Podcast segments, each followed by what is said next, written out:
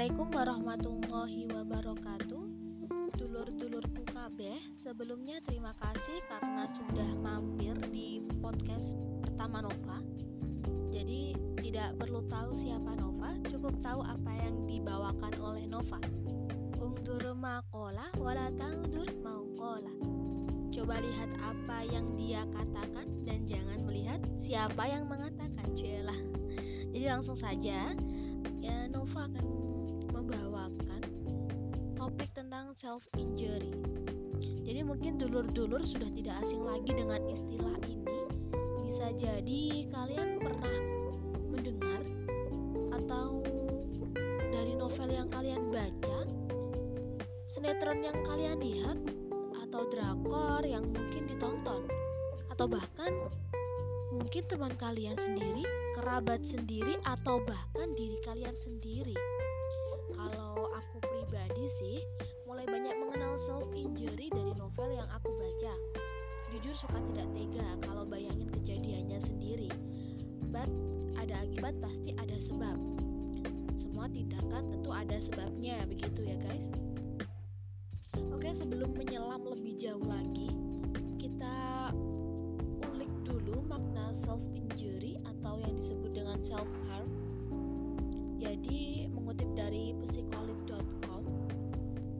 Injury atau self harm ini sendiri adalah kelainan psikologis yang tindakannya berupa mengiris, memotong bahkan menyayat dirinya sendiri hingga berdarah-darah. Apa tidak sakit? Tentu mereka juga merasakan rasa sakit.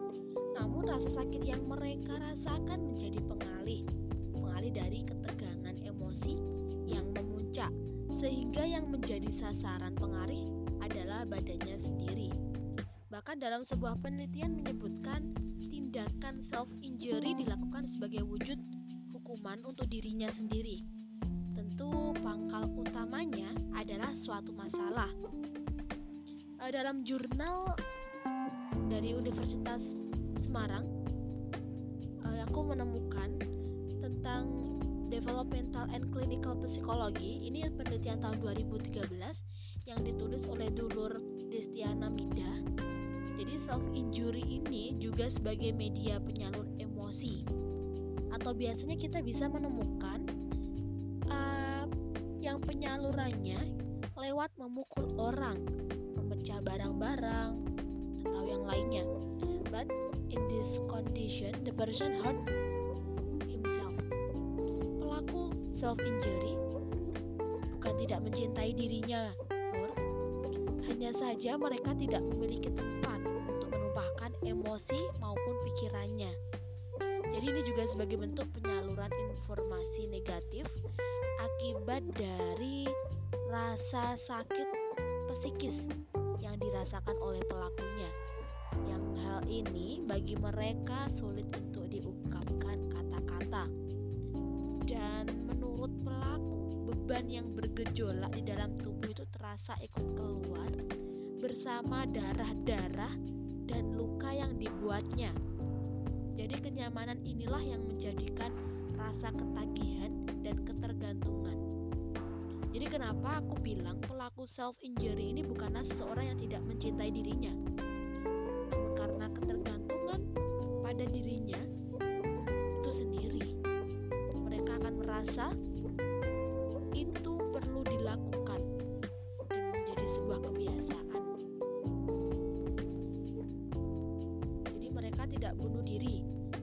Bedakan ya.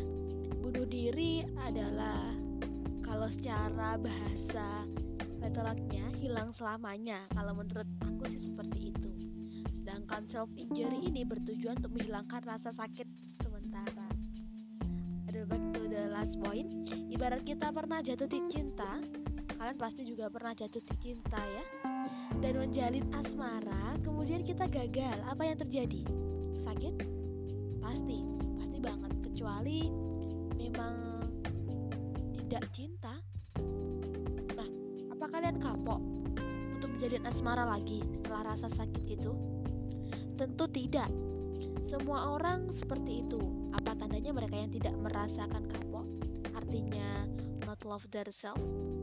No, belum tentu kan jadi please jangan judge mereka perbanyak bersyukur jika kita tidak merasakan hal tersebut. Dan jika di sekeliling kita atau kalian menemukan hal semacam tersebut seseorang yang menderita self injury peluk erat mereka. Beri semangat hidup dan katakan aku siap menjadi wadah yang menerima semua keluh kesahmu. Kamu kuat. Jangan pernah merasa sendiri atau jika kamu pelakunya sendiri, please stop it. Semua tidak selesai hanya dengan itu. Padati aktivitas manfaatmu dengan hal yang bernilai, yang bermanfaat untuk orang lain, dan luapkan masalahmu di dalamnya. Kamu kuat, kamu cantik, kamu cakep, dan kamu hebat.